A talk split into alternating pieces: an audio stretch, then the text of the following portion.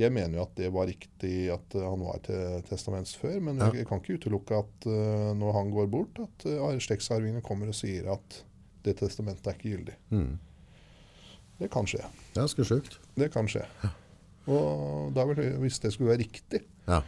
at det testamentet skulle bli kjent ugyldig, så vil jo da den samboeren ikke arve noen som helst. Bli satt på gata. Hun har eh, ingenting. Han, han, kan ikke, han, kan, han kan ikke benytte seg av å gi bort han nå. Han kan jo gi bort, men det er jo også spørsmål om du da gir bort Er det din vilje? Mm. Ja, han kan gi bort, også, men det må jo være din vilje å gi bort. Ja. Hvis ikke så er jo ikke på en måte overføringen gyldig, den Nei, heller. nei, for da kan du si at ja, når du ga bort, så han var jo ikke frisk da. Nei, han hadde ikke Han hadde blitt påvirket, min- Han kunne ikke Ja. Nei, så det er noen sånne, sånne mm, vanskelige tilfeller, da. Det er det. That's what I'm talking about. Wait! Okay, now, from the beginning.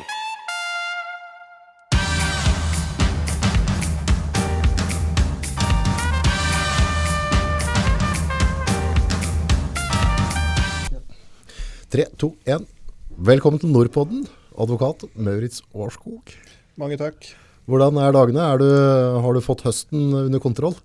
Ja da, det, det går bra. Ja. Det, sommeren er overstått, Nei, så det går fint. Det er jo ikke bare advokat, du er jo gårdbruker også, så du har jo noe, noe dyr og noe jord som skal Jo da, være i orden ja. før vinteren. Det er jo litt eh, Det er kanskje ikke vanlig å gå rett fra advokatkontoret og i et grisehus på kvelden, men det har skjedd. eh, Det skjer rett som det er. Ja. Mye, mye gris har du? Nei, det er eh, produserer 2100 slaktegris i året. Slakterkjøp. Så bra. Mm. Det, går, eh, det, er, det er jo noe arbeid der òg. Det skal følges opp. Ja, nå har jeg jo en som jobber Eller eier, da, som jobber hjemme på gården, så ellers hadde ikke døgnet hengt sammen. Men eh, klart jeg sitter jo på ansvaret, da. Ja. Det, Mye jord er du driver av? Nei, det er vel tre, litt over 300 dekar. Det er ikke noe sånn voldsomme greier, det. Men eh, ja. Kjøre korn og gress, eller er det Ja, det er ammekyr på gården, så da er det um, Så det er ammedyr òg? Ja, ah. det er det. Så det, ja. Da må de ha noe å spise på. Det det må de, så da er det gras, da. er bra at du lager biff til oss, det er jeg glad for. Jeg er glad i biff. Vi skal prate litt om uh, arverett i dag. Ja, Uh, vi kan kanskje begynne litt sånn prinsippa rundt arveretten. Ja øh, vi kan ta litt om det. Altså, Prinsippene er jo at øh, øh, når noen går bort og det etterlater seg verdier, så skal jo det Noen må jo til, få de verdiene. Og da er det jo Man kan jo testamentere hvis man øh, har noe mening om hvem som skal ha det. Og hvis man ikke testamenterer, så er det jo en del regler som sier noe. Da er det slekta har da en arverett. Og eventuell ektefelle har arverett, og eventuell samboer med barn med avdøde eh, har arverett. Ja. Eh, og da er det jo klart hvis, eh, hvis man eh, La oss si man ikke har laget testament, da. Eh, og du går bort, og du har barn eh, og ektefelle, så er det sånn at eh, da arver ektefellen eh, som utgangspunkt eh, en fjerdedel, og så resten til barna. ja. Så tre fjerdedeler går til barna, og en fjerdedel går til Ja. I et sånt tilfelle som jeg nevnte nå, da. Ja. Dette, men det er, det er mye detaljer i reglene, men i sånn tilfelle som jeg nevnte nå, så er det det. Men hvis barna da er veldig små, da? Ja, De vil fortsatt arve, men er, i så fall er det en verge. altså De får ikke tilgang til hvis de er under 18 år, tenkte du? eller? Ja, sånn type at unga er tre, fire, fem år eller et eller annet. Ja, de vil fortsatt arve, men, eh, men eh, da vil jo pengene bli stående på en konto, ikke sant. Og da er det Ja, det er det. Men så har du jo neste testamentet. Ja. Og da, der har du da større muligheter til å justere dette der. eh, Ja, men man har jo en testasjonsfrihet, eh, som er noen få eh, rammer eh, for den. Blant annet så er det sånn at eh, hvis du da har eh, eh, barn, eh, så ha, skal de arve to tredjedeler av det du etterlater deg, eller minst en million hver hvis det er veldig store boer. Ja. Så la oss si hvis det er et stort bo da, hvor det er eh, la oss si 10 millioner eller 20 millioner, ja, så et eksempel 10 millioner. Ja. Det er i boet, og det er to barn, så skal de ha minst 1 million hver, og så er det 8 millioner som man kan testamentere fritt over da.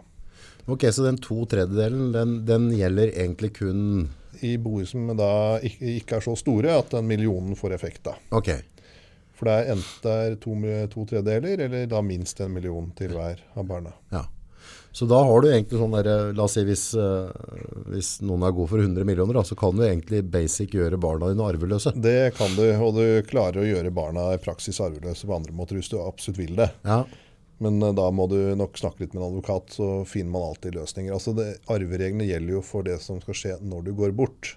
ja, Eh, men det er jo klart, hvis Det har jo vært borte i flere tilfeller at noen har kommet til meg og sier at eh, det, er ja, det, det er jo ikke noe morsom historie, det, men det hender seg at noen kommer og sier at eh, den eller den som utgangspunktet er arving etter meg, da, den eh, ønsker ikke at skal arve, eller anses ikke egnet til å disponere pengene eller et eller annet.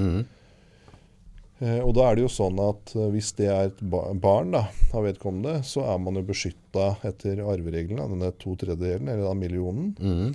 Men så er det jo klart at du kommer deg rundt det hvis du vil. Eh, Blant annet så er det jo sånn at man står fritt til å gi bort det man eier før man dør. ja. Så, så det jeg har gjort noen ganger når noen har kommet med sånne historier til meg, er jo å si at ok, du står jo fritt til å gi bort alt du eier og har, eh, til da noen andre. Eh, og f.eks. i stedet for at du skal eie huset du eh, bor i, så kan du jo tinglyse en borett ut ditt liv i det huset, ikke sant? Mhm. La oss si hvis det er en eh, hadde et tilfelle nede, det var vel nede i Drammen. Det var noen, et, et, par da, som kom opp til oss og sier at uh, de ville ikke at barna skulle arbeide. Det var en historie bak. Det, ja. uh, og det vi da gjorde, var, så hadde de en mening om hvem som skulle ha det de etterlot seg. Og da var det sånn ok, da overførte de det verdiene, og så tinglyste en borett. Så de hadde en borett ut livet til å bo i huset.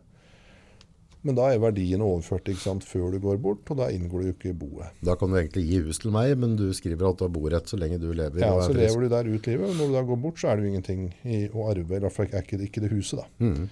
Så det- man kommer alltid rundt. Men altså, hvis du tar altså, de reglene som gjelder når man faktisk går bort, da. Det Ja. eier, for det er det du eier når du går bort, som Ja. reguleres av disse arvereglene. Og da er eh, barna dine eh, beskytta. Mhm. Altså sette rammen for hvordan du kan testamentere. Men de er ikke beskytta i praksis, for du kommer, sånn som jeg nevnte nå, du kommer rundt det hvis du faktisk absolutt vil. Ja. Men, men hvis du gir bort, blir det noe skattebelagt eller at? Du skal gi, altså gi bort store summer da? Nei, det blir ikke det sånn øh, øh, en gave. Det blir ikke noe skatt på. Arveavgift er det jo ikke lenger. Den er borte? Arveavgiften er borte. Åja, Så det var mest fornuftig jeg har hørt på veldig lenge. Du mener det, ja? Ja, den, den arveavgiften var jo Det var jo veldig mye politiske diskusjoner rundt den, da. Mm. Men uh, den har vi ikke lenger. Det er, det er jo noen som tror at den kommer uh, Altså, nå har vi en uh, blå regjering, ikke sant? Mm. Det er noen som tror at den kommer tilbake hvis vi får en rød regjering. Ja. Og vi har faktisk hatt oppdrag for noen som kommer og sier at de vil overføre verdier nå. Fordi de nettopp tror eh, jeg, jeg beroliger dem og sier at jeg tror ikke det kommer til å skje. Nei, nei. Men de, de sier at jo, jeg vil gjøre grep nå. Ja. Fordi jeg tror det blir arveavgift eh, hvis det blir et regjeringsskifte ved neste valg. Hvor stor var arveavgifta? Så det er differensiert, da. Ok, Så det er jo ikke veldig Alt er relativt. Men klart hvis det er store summer du arver, mm. 100 Så- millioner, da liksom blir det noen kroner til da blir det klart ganske mye penger. Ja. Eh, Er det 1% 10% eller altså, ja, Nå vet jeg ikke hva slags regler som eventuelt kommer. da. Nei, nei, men komme, sånn som var før da, kanskje, altså, Ja. røffelig sånn in ballpark. Uh, ja, altså dette var jo da differensiert, så jeg klarer ikke å gi Nei. en prosent. Men det er klart, hvis det, skal, hvis det var 100 millioner, så blir det noen millioner i arveavgift. Ja, det er ja. helt, helt sikkert. da. Det som er det syke med det, er jo på en måte først så, så betaler du på en måte skatt av pengene dine. Ja, eh, som du skal spare på, Mm. og så betaler du en formuesskatt, og så når du dauer skal jaggu staten ha litt av òg. Men må liksom ha magamål, denne gjengen der, da. ja, hvem er gjengen? Er det oss, eller hvem er det? Ja, dette, ja, dette lurer jeg fælt på. Liksom, jeg lurer litt på det folkevalgte, egentlig. For det, jeg syns liksom politikere gjør mye ting som jeg tror det norske folk ikke er helt enig i. alltid. Ja. I hvert fall så har jo den arveavgiften eh, Den har vi ikke lenger. Så bra. Eh, Så, mm, men det, har- det har jo noen eh, effekter ellers da, som man må tenke på i forbindelse med oppgjør. Blant annet så er det jo eh, eh, I hvert fall i forbindelse med et, eh, med et uh, skifteoppgjør, et dødsfall. Klart hvis du La oss si at eh, det ligger eiendom i boet. da. Så Hvis du omsetter eiendom, så er det jo dokumentavgift. ikke sant? Mm. Så da er det jo ofte vi sier sånn at hvis det er hvis det ligger eiendom i dødsboet, eh, og eh, ingen av arvingene liksom, eh, er egentlig så sikre på at de har lyst til å eie den eiendommen over litt tid, så er det ofte vi sier da at eh, ok, husk at hvis du overtar den eiendommen, så blir det dokumentavgift. Ja. Eh, og hvis du bare skal eie den et år eller to, og så skal du selge den videre, så er det kanskje like greit å selge den med en gang. ja. Um, så, så det er jo noen avgifter som kommer inn i bildet, men selve arveavgiften, den er historie. ja. Hm. Det er jo litt sunt. Men det må jo være en del eh, Det har jeg jo hørt caser på at eh, har, noen ganger så kan jo uh, sinnet bli forvitret på slutten av livet. uh, og der har det vært en del sånn type sånne mm, organisasjoner som samler inn penger og sånne ting. og så Ja, ja, treffer de uh, tante Ruth, og så fører hun over en halv million til en eller annen greie. Ja, jeg har faktisk det, nå skal jeg, ikke, jeg, skal, jeg skal, skal ikke si noe stygt om, eh, om uh, taxisjåfører eller taxinæring som yrkesgruppe. Nei? Men det som er en kjensgjerning, er at det dukker opp veldig mye taxisjåfører i testamentene til eldre folk. Ja. Det er, vi har hatt tilfeller eh, selv på kontoret hvor vi ser at slektsarvinger forsøker å angripe testamentene. ja Og dette er, men jeg sier jo ikke det at uh, Det er jo ikke det altså, Du kan jo tenke selv da, hvis du er en gammel dame en gammel mann og eh, er kanskje alene. Ja. eh, lite sosial omgang. eh, familien din er kanskje ikke så flink til å, følge opp. til å følge opp. Nei. eh, så er det jo fort at du blir glad i de som da kanskje viser Eller ta, bruker litt av tida si. Eh, og det er at det er en del taxisjåfører som da ofte kjører på disse gamle folkene. ikke sant? Ja, ja, ja. som dukker opp i testamenter. Det er, det er en kjensgjerning. Det, det, er, eh, det er ganske mye. Det må være litt sånn frustrerende, i hvert fall hvis du vet at da, igjen, vi bruker tante Ruth da, eh, så, og, og vi vet at på slutten så, så eh, hadde en svulst i huet, hun brukte mye medisiner, altså det var mye som på en måte tilsa at da, at da hadde en del skifte da, i den mentale helsa si på slutten. Uh, og da må det være litt frustrerende hvis taxisjåføren har fått et par-tre millioner. Det kan da sikkert være. Men altså, det, det må jo bare bevises at du da på en måte ikke var ved dine fulle fem. Altså, det, er, det er en vanskelig vurdering, og da må det ofte medisinske vurderinger inn i bildet. og sånn. Ja, Men man, det, kanskje det rå, grelleste eksempelet det, eller, det er ikke grelt, det er jo, for man får gjøre som man vil. Men det mest spesielle eksempelet jeg selv har sett, det er en, eh, det var en milliardær i Oslo oi, som eh, skulle ha et testament. Eh, og, det, mm, og han var tydeligvis ikke så glad i familien sin. Så sa han at, eh, Og han var tydeligvis ikke så glad i så mange andre folk heller. Nei. Så han sa det at eh, det var ikke mange mennesker som har, han gjort han så mye godt i livet, men ingen dyr hadde noen gang gjort han noe vondt. nei. Så han ga eh, en, jeg tror vi opprettet en stiftelse for Dyrenes Vel, Oi. som arva disse milliardformuene. Han ga ikke en krone mer enn han måtte til eh, barna sine. altså. Nå. ja, jo, ja, for all del. Altså, klart hvis du på en måte har hatt et ikke-familiært forhold, så kan jeg skjønne det på en måte. Altså, Ja, eh, nei, altså det er, eh, nei, så det finnes jo noen uh, eksempler på mye som mange opplever som rart, som ikke nødvendigvis uh, er brudd på reglene. Men det er jo, man har jo også eksempler hvor advokater har arvet uh, gamle folk, eh, og som har ført til rettssaker. Og det er jo særlig problemet hvis Det er jo to saker selv har hatt litt med å gjøre, um, hvor eh, ikke sant? Da- Det som i hvert fall er en norm og veldig sånn etisk viktig. altså Hvis eh, du er advokat da, og det er en klient som plutselig kommer og sier at han vil ha deg inn i testamentet, for det første så er det kanskje grunn til å si til at eh, det er jeg ikke sikker på om er så lurt. altså Du bør i hvert fall tenke deg om. Men da bør du i hvert fall ikke være med å lage det testamentet. nei, da bør du komme inn en annen advokat. Helst en du ikke kjenner. Helst det sånn, ja. Men det, det er jo et par tilfeller, eh, ganske sånne kjente eh, avgjørelser, hvor det har blitt gjort. Ja, Og så oppstår det da spørsmål etterkant når da testamentet dukker opp. Og familien da, som ellers ville arva disse pengene, ja. oppdager jo at det er advokaten til, til avdøde som fikk en god slump. Da hadde jeg, jeg hadde det sur.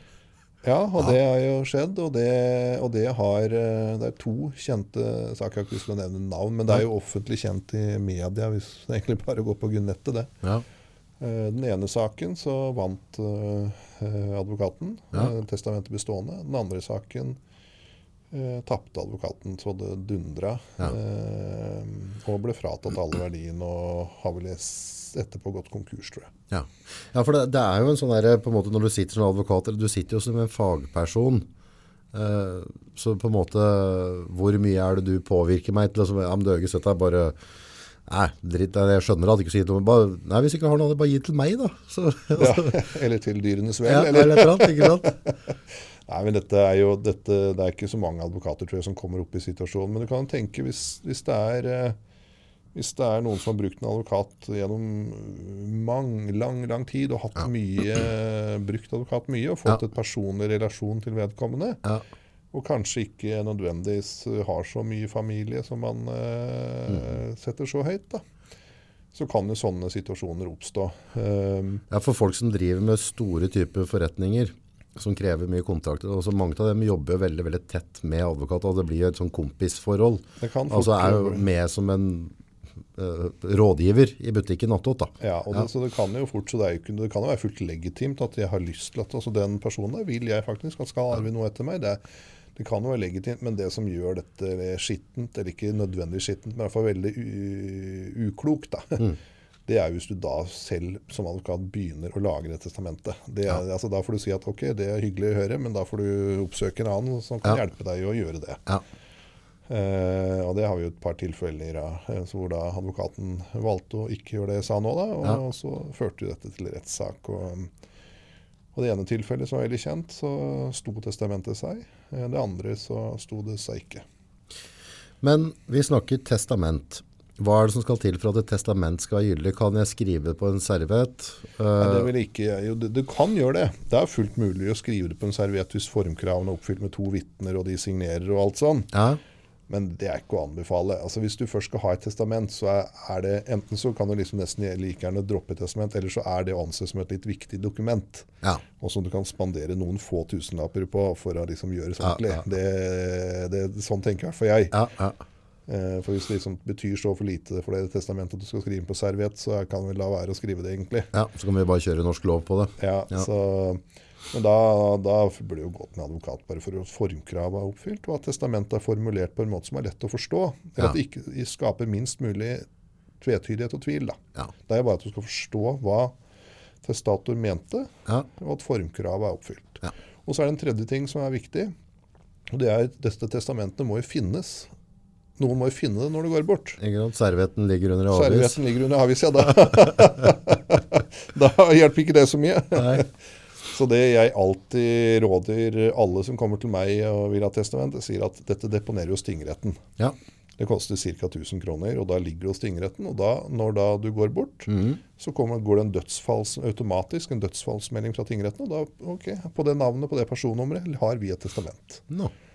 Og da kommer det fram uansett, ikke sant. Ja. Det er det, eh, ja, det råder jeg alltid eh, alle til å gjøre. Hvis ikke så er det jo sånn testament at om det dukker opp eller ikke, kan jo være helt tilfeldig. ikke sant? Om Ja. arvingene finner det, kanskje altså Worst case er det en arving som ikke har lyst til å finne det. Som, ja, Tar det bort bare, ja. Jeg skal ikke si at det skjer ofte, men det kan jo tenkes at det skal skje. Det, så Men det er- blir jo ofte mye kjeggel i arvesaker, har jeg inntrykk av. Altså, jeg hører, Ja. altså, du hører i hvert fall om mange ganger at om det ikke blir sånn full krig og masse rettssak, så er det noen sure miner. Ja, det er veldig vanlig. Altså, noen, noen arveoppgjør glir jo veldig greit, og sånn, og så er det jo ofte sånn at så er- det som er vanskelig i dag, er jo at arveoppgjørene blir mer kompliserte. Og så er det jo sånn at eh, familieforholdene er også litt Det er ikke sånn A4 lenger. Før så var familieforholdene litt mer sånn A4. Nå er det litt annerledes. Og det, Min og dine og ja, det blir veldig mye mer sånn eh, mye mer hva skal si, folk å forholde seg til. Og så er verden blitt mindre. Altså det er, Vi er mer internasjonale. og det vil si at arve, Skifteoppgjørene foregår jo ofte eh, over landegrenser. Ja, Så, så er skaper- eiendom i utlandet ja, masse vanskelige eh, problemer. Altså sånn i, ja, det var vel i, Saken begynte i fjor, og vi fikk vel avslutta i vår. Så var det Vi bisto da en, eh, en som hadde eh, en amerikaner, han hadde bodd eller en nordmann, da, som Ja, ja. har bodd st- store deler av livet sitt i eh, USA. Mhm. Og etterlot seg mye penger. Hadde ingen egne barn, men hadde søsken Ja, og nevøer og nieser. Eh, og da bisto vi for at vi skulle få da, på en måte norsk eh, lov da, til å gjelde. ja, Eh, så bisto vi med først å hente pengene over hit, og så få han over hit. Og så var det en lang prosess rundt det. Og så, eh, og så dessverre døde han, da. Midt i prosessen. Ja. Så da står arvingen egentlig med et eh, problem, for da er det plutselig tvilsomt om det er, er det amerikanske regler som gjelder. Og der var det en trust borte i USA som hadde egne regler for den, eller er det norske regler? Trust, hva er det for noe? Ja, det er, er et amerikansk rettsinstitutt. Er egentlig Ja. en, eh, altså en selveiende institusjon hvor eh, noen kan, kan ja, ha myndighet til å bestemme over det. Ja. Men det er altså, I hvert fall så disse arveoppgjørene, sånn som eh, på en måte verden utvikler seg, med litt mer kompliserte familieforhold, eh, mer internasjonale forhold, så blir arveoppgjørene mye mer kompliserte, både rettslig og litt sånn medmenneskelig, eller mellommenneskelig. Altså, det er tilfellet ofte liksom hvilke, altså spørsmål hvilke lands rett skal brukes i arveoppgjørene ofte. Mhm. Eh, eh, Hvor skal arveoppgjørene foregå? I Norge for eksempel, eller USA, dette eksempelet her.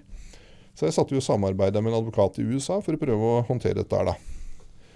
Eh, og så er det jo når det blir litt sånn eh, ja, sånn som du sier, mine og våre barn og litt sånn Ja. ymse, så er det kanskje arvinger som ikke nødvendigvis har hatt så mye med hverandre å gjøre, som dukker opp, og så skal man fordele penger, og så blir det fort noen gnisninger. Mm.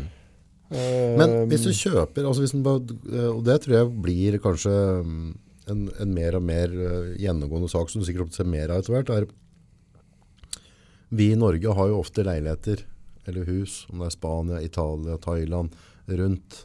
Altså i det du på en måte går og, og, og kjøper deg en ferieeiendom i et annet land da, er det da en idé å kanskje prate med en advokat? Hvordan gjør vi med dette papiret her? Hva skjer med oppgjøret her? Altså er det, er det regler vi bør sette oss inn i de gjeldende landa som gjør at dette der faktisk kan flyte greit etter jeg går av? Ja, altså det spørs jo mest uh, Du bør mer Altså ja, altså jeg tror ikke, ja, Du bør være oppmerksom på hvilke lands rett i hvert fall gjelder, da. Hvis du eh, Når du går bort, som regulerer skifteoppgjøret. Og det er en sammensatt eh, vurdering av spørsmålet liksom, på en måte hvor man bor, hvor verdiene er altså det, er sånn- Jeg går ikke inn i sånne veldig fine finhus på det. Ja, man bør i hvert fall vite nok om det til å være, være sånn at man på en måte ikke tror at det er sånn som i tilfellet har vi jobbet med her. da. ja, Her opprettet vi et testament no i Norge for en fyr. Mm. Det hadde vært null verdt hvis det var amerikanske regler og alt der borte som hadde Da hadde liksom all jobben vår var i- null verdt. Ja, ja. For da er det det der borte som gjelder. Ehm, så det er jo Så i hvert fall i den grad da man lever et sånn type liv Mm. Eh, internasjonalt liv med på en måte kanskje bosteder flere steder som noen har, da. Mm. Um, så bør man i hvert fall ha en idé om uh, Hvis du først skal lage testamenter og lage noe uh, som skal regulere hva som skal skje etter din død, Mm. at du faktisk da treffer da, og ikke begynner å regulere på en måte som aldri vil kunne gjennomføres. Ikke sant? Eh, Jeg har jo et sånt tilfelle, tror jeg, som sikkert har skjedd veldig ofte. Et eldre Om de var altså, Jeg prata med noen nylig. Om det var ektepar eller om det var samboerpar, det er jeg litt usikker på. Men de var i hvert fall eh, i, oppi åra, da, pensjonister. Eh, solgt unna huset sitt, kjøpt seg leilighet sammen og ditt og datt. Og så omkommer han, eller han dør. Og så sitter du igjen, og så hadde han noen barn fra før. Ja, dette er et klassisk tilfelle det du nok skal fortelle nå. For det er jo sånn som jeg sa, hvem hadde arverett til samboere med barn, fellesbarn. Mm. Ikke samboere som ikke har barn. Så jeg har også hatt tilfeller nå Så da er jo hun i fare for å bli kasta ut. Ja, så det, det jeg har hatt flere tilfeller på, er jo nettopp å gått inn i sånne situasjoner hvor Jeg hadde jo en sak eh, som holdt på med litt i år og litt også i fjor, hvor det var et sånt tilfelle. Det var en mann som satt på en måte alle pengene, alle verdiene. Ja. Og så kona hadde liksom sånn økonomisk sett da vært med på lasset, ikke sant? Alle verdiene står på han. Mm. Eh, og så hadde vi vært samboere. Mm. Og så hadde vi på en måte i 30 år, da. Men ingen felles barn. Samboer i 30 år og ingen felles barn. Og så eh, ting rusla og gikk, sånn som vi alltid gjort. ikke sant? Ting, det var jo, Jeg tenker ikke eh, over det. tenker ikke over det. Og så begynte og denne karen å begynne å nærme seg bli litt eh, Ja, så begynte det å bli spørsmål om han egentlig var helt med. Ja. Og da hadde vi en vanskelig vurdering, altså hvordan skulle gjøre det. For da, da måtte jo eh, Så de måtte hen- innhente lege og alt da, for å forsøke å lage en ordning som, eh, som vi har følt oss trygge på at han ville. eh, men som da begunstiga kona, eh, unnskyld, samboeren, Mhm. sånn at hun ikke ble rett og slett satt på gata mm eh, når han gikk bort. Tenk på det. For hun hadde ikke arva noe som helst, så hun eide ingenting. Hun hadde bare vært økonomisk sett vært med han i 30 år, ikke sant? Ja, ja. Og da kan jo søsken eller hvem som helst er på arvesida hans bare Ja. gå inn og Så- ut. ut, ut med det. Alt dette er- tilfaller oss. Og da, og da var dette gått så langt at han begynte å bli eh, svekka. Og det oppsto jo da spørsmål er det nå for sent. At du er så svekka at du ikke tes kan testamentere Ja. og ikke kan overdra. Eh, eller er du fortsatt mulighet til å gjøre det? Ja. Så vi gjorde en vurdering på det og innhenta ja, det vi gjorde det beste vi kunne, da. Så får vi se. Og det er jo et tilfelle som eh, Jeg mener jo at det var riktig at eh, han var til testaments før, men Ja. jeg kan ikke utelukke at eh, når han går bort, at uh, slektsarvingene kommer og sier at det testamentet er ikke gyldig. Mm. Det kan skje. Det er ganske sjukt. Det kan skje. Og da vil, hvis det skulle være riktig, Ja. at det testamentet skulle bli kjent ugyldig, så vil jo da den samboeren ikke arve noen som helst. Bli satt på gata. Hun har eh, ingenting. For han, han, kan ikke, han, kan, han kan ikke benytte seg av å gi bort han nå. Han kan jo gi bort, men det er jo også spørsmål om du da gir bort Er det din vilje? Mhm.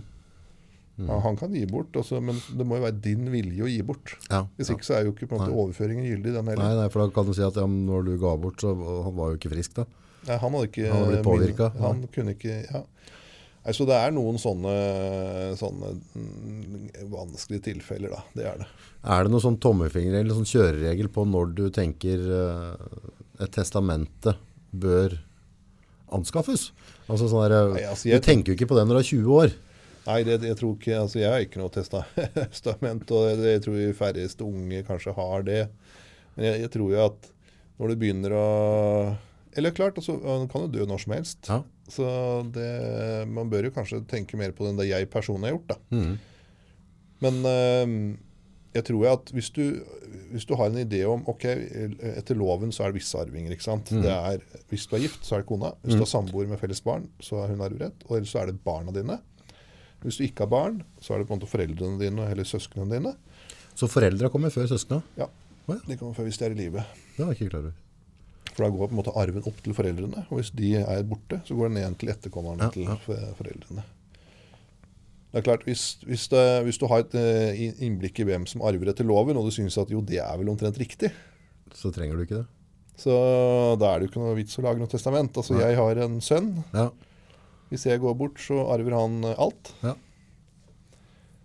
Eh, pl- pl- Pluss eh, samboeren min, da. Mhm. Og det er vel kanskje greit. Ja. Da, men hvis du, hvis, du, hvis du vil gjøre noe som ikke følger loven, så Mm. burde du ha et testament. Hvis ikke så vil det ikke bli gjennomført hvis du plutselig faller bort. da. Nei, nei. Så, ja. Nei, det må bli, altså, spesielt i de tilfellene der, eh, der du har mine, dine, samboerskap, altså at det kanskje er lurt å, å, å sette seg ned da og lage et delingsstykke på det da. Mhm. For det kan jo, kan jo like være det på en måte å si at liksom ene barnet er ikke per blod ditt, Mm. men du ønsker, altså den har vært med og vokst opp med deg hele livet likevel, så du Da må at du ha et testament hvis du skal ønske noe sånt. ja. Ja, ja. Så, ja, så alle, så Hvis du er liksom et typetilfelle som ikke omfatter omfattes av loven, så bør du jo lage et testament hvis du vil at, være sikker i hvert fall, på at det blir gjennomført. Ja. Men da er det også sånn her, da det sånn det funker, er barna arver tre fjerdedel, er samboer to, to, to, Unnskyld, fjerde, to, te- unnskyld, to tredjedeler. tredjedeler, ja, og samboer Eller det vil si, eh, de eh, arver altså for å si det sånn da, Hvis du ikke har testament, Ja, eh, og du er gift og har barn, så er det barna og eh, kona som arver. ja, Eh, og da, da har du rett, ja. En Ja. fjerdedel til kona og tre fjerdedeler til barna. ja, Men hvis du har testament, ja, så kan du regulere dette her, men barna arver fortsatt uansett to tredjedeler, eller minst en million hver. ja, ja. Stemmer. Sånn er det. Mm. Ja. Men da, den er litt lur, den der millionen der, da, for du tenker liksom at barna arver alltid to tredjedel, så tenker du liksom det er jo hele, men det, det stemmer jo ikke det da. hvis det er velstående foreldre. Så, ja, er, ja, for velstående folk så har du mye større testasjonsfrihet. da. Ja, Men sånn som jeg sa i sted, så er jo den friheten mye større enn loven gir uttrykk for. For hvis du snakker med advokat, så finner du alltid løsninger for at du får til de, det du vil. ja, Sånn som jeg nevnte i sted. Da. Men, eh, men da må du gi bort ting i levende livet. mm, Og så sikre deg på andre måter, da. mm.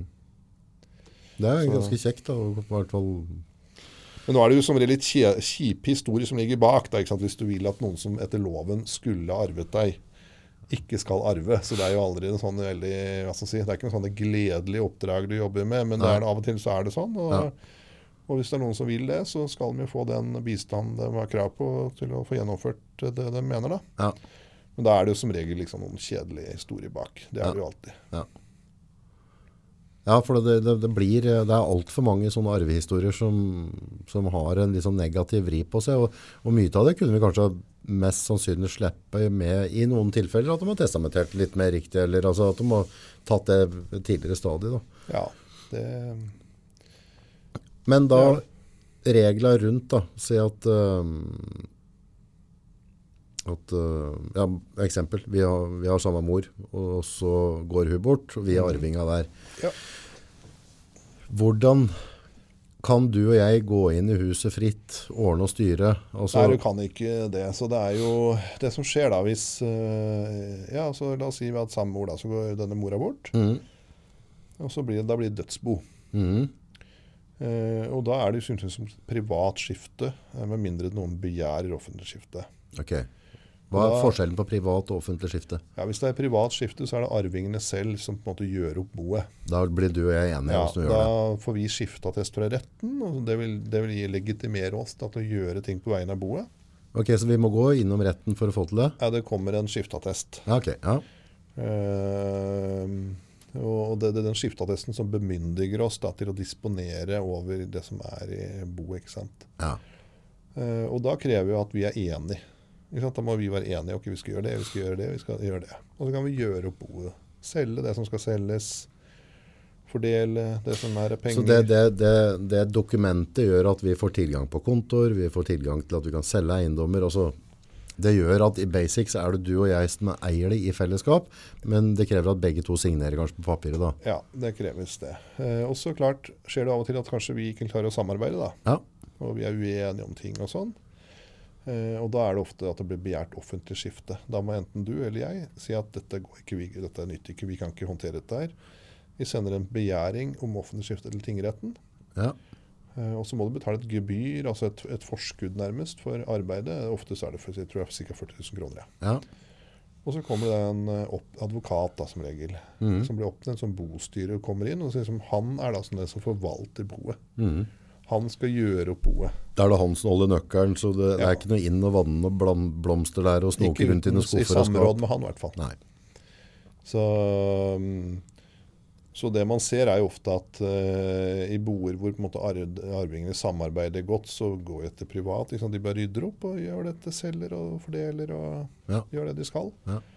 Slutter boet, kanskje får de litt hjelp. Det har vi noen oppdrag på, at det er noen som gjør opp boet privat, men det vil ha litt hjelp til på en måte å fylle ut dokumenter og det skal jo lages skattemelding for AB. Altså det er en del Ja, for det, er, det er jo en del, det, må, det, er- noe arbeid der å få rydda opp i dette sikkert. Ja. Stenge kontor og ditt og datt og... Ja, så det, så det har vi en del oppdrag på. At det er noen som ja, vi gjør opp det privat. Vi, har, vi går ikke til å få en bostyrer fra retten, men vi trenger litt advokathjelp ikke sant? Mm. eh, for å hjelpe oss på veien til å gjøre det. Det har vi en del eh, oppdrag på.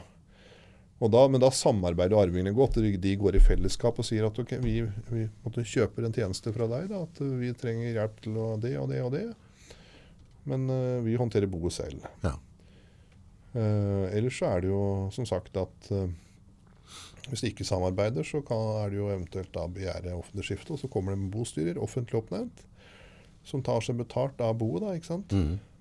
Eh, med tingretten som oppdragsgiver. Da er det ikke arvingene som oppdragsgiver. ikke sant? Da mister de kontrollen. Ja, Altså Hvis det er privat skifte, så kan de komme og si vi gir deg et oppdrag, vi trenger sånn og sånn hjelp til det og det. Mm. Eh, men hvis de begjærer offentlig skifte, så er det tingretten som oppdragsgiver som bostyrer. Ja. Og de kommer inn, det er et offentlig bo, jeg håndterer dette her. Setter frister for sånn og sånn. Eh, ja. Det vil bli mer kostbart sikkert da. ja, som regel blir det. Mm. Det gjør det. Som ja, det liksom klarer å... Men det er tilfellet ofte boer hvor det låser seg litt. Så det er jo ofte mange boer hvor eh, jeg ser det er offentlig skifte, ikke sant. Og så har arvingene hver sin advokat, og det er masse greier. Ja. Det, mm, det er rett som det er, eh, det. Og det er Jeg er inne i en sånn sak sjøl nå, det, så- ofte så er det veldig vanskelig um, ikke sant? Når, når, du er, når en ektefelle dør, da, Ja. Og det er flere arvinger, så er det et såkalt sammensatt skifte. Det vil si, først skal det gjennomføres et oppgjør mellom ektefellene, Mm. som om de hadde skilt seg om i praksis. Ok, ja. Hvis, hvis du, oi, unnskyld. Eh, hvis et, uh, du har et ektepar, de Ja. eier og gjør, har forskjellige ting, og så dør den ene. Ja. Da må du først sortere ut hva er det egentlig som skal inn i dødsboet. ja, Og hva er det som tilhørte? Det, Ja, ja, ja. da er det et sammensatt skifte. Mhm. Først må du egentlig gjøre et, i praksis et skilsmisseoppgjør da, mellom mm. de to. Og så, etter å få skilt ut det som er inne i dødsboet, så skal det fordeles mellom arvingene. ikke sant? ja, for er liksom den sofaen og TV-en og, og den hytta, den er egentlig din. Og i, i sto, kanskje litt store boer hvor det har skjedd mye, så kan det også være et vanskelig oppgjør, hva skal man si, hermetegn skilsmisseoppgjøret, Ja, som gjør sånne boer eh, kompliserte. da. ja. For da er det jo først vanskelig ok, hva er det som egentlig er i boet, og hva er det som ektefellen skal ha, mm. før du skal begynne å fordele ut arv. Mm. Eh, så i sånne saker, så, og særlig når det da måte er kanskje virksomheter, gårdsbruk, mye forskjellig der, mm. eh, så kan det skape ganske kompliserte spørsmål. Men sånn jeg leser ut av dette her nå, da, så er det Hvis du tenker at den gjeldende norsk lov er ok, så er det ikke så nøye. Da kan du på en måte bare lene deg på at vi her bare er det vanlig norsk lov Ja. som, som gjelder det. Eh, men i tilfeller der du har en ektefelle eller en samboer, eh, og du har litt sånn turbulent forhold med mine og dine og unga og styr og stell, eh, kanskje lurt å sikre ektefellen din i et testamente, sånn at ikke dem da ender opp med at de må kjøpe ut de barna som du ikke har kontakt med i det hele tatt, egentlig, for at det hele tatt de skal få lov til å bo der de skal bo. At du, at du tenker litt der. Og så har vi da egentlig den tredje sida av det, er at i basic så går det an å gå rundt alt hvis du gjør det i riktig tid. Det går an hvis du får gode råd. Ja. Så går det. ja. Det er det. Så er mye Det skal ikke være lett hele tiden. Nei, det skal ikke det. vet du. Det skal ikke det. Nei, men dette er, det, tror jeg, det, er, altså, det er jo ingen som går og tenker på at nå i morgen skal jeg stupe, liksom. Så, så det er jo Men det vil jo være veldig, veldig dumt, da. Og det du også ser, liksom sånn derre Du kan jo på en måte tenke på på en måte unga dine Nei, dette gjør de ikke mot mora si eller ditt eller datt. Altså, men så kanskje det begynner å være en sånn underliggende konflikt der, og så har unga di en samboer eller en ektefelle som påvirker litt i andre enden, og så kan dette bli ganske heftig. Eh, som gjør at du eh, at, at ektefellen din får problemer etterpå, rett og slett, hvis du går bort. Ja, det er det. Så du bør i hvert fall ha noen tanker om det eh, ja, når du kommer opp i, så langt opp i året at det i hvert fall er naturlig å falle bort, så kan Ja. du bør i hvert fall tenke litt gjennom dette. Da, om det er de reglene som følger av loven, er de greie, så trenger du ikke gjøre noe. Men hvis du ikke synes det, så bør du eh, kanskje investere noen tusenlapper, da. Ja, hva, hva er kosten på et, sånn, et normalt, ikke komplisert Nei, testament? det er ikke, hvis, det, hvis du vet hva du vil, Ja, og du kommer, så koster det 6000 kroner. Det er verre, hvis du vet hva du vil, Liksom, jeg vil ha det, det og det og det skal skje, ja. og bare hjelp meg å lage det. Og uh, få det ordentlige sånn formkrav og alt sånn. Ja. Og da sender du det inn til tingretten, så Ja, blir det da liggende der. det en tusenlapp i tillegg da, Ja, hvis du vil ja, ha det inn til tingretten. Men hvis det blir mer sånn rådgivning om å gå gjennom Ja, ting, og hva er det egentlig du vil? Ja, det ja, det, ja, altså- da ruller du tima. Så, ja, da blir det litt annerledes. Men hvis du vet jeg vil ha det sånn, det er dette jeg vil ha. Ja. Du må bare sørge for at, gjør, altså at det blir effektuert. da. ja. Jeg vil bare sørge for at du bare sørger for at, eh, at kona mi sitter trygt livet sitt ut. Ja. At hun ikke må begynne å flytte noe eller noen ting på sine gamle dager. Ja. Det er det jeg ønsker, og så får de bare arve normalt etterpå. Ja, Så så, er det. Mm. så er det det som er prisen, sånn grovt sett. Ja. Det er ikke rare investeringa. å I hvert fall dyrere å begynne etterpå. ja, ja, det vil jeg tro vi skal begynne å kjegle etterpå. Så, det. Det er det. så bra. Da har vi fått litt opplysninger. Da er det noen andre ting du tenker som er viktig å huske på rundt arv? Er det noen ting du ser liksom, på sånn misforståelser? Ja, vi kunne snakka i veldig lenge om Dagevis. det, men jeg tror, jeg tror det holder. Vi har tatt en liten gjennomgang. Ja, da har vi i hvert fall grovstykkene i det. Ja, Tusen hjertelig takk. mange takk.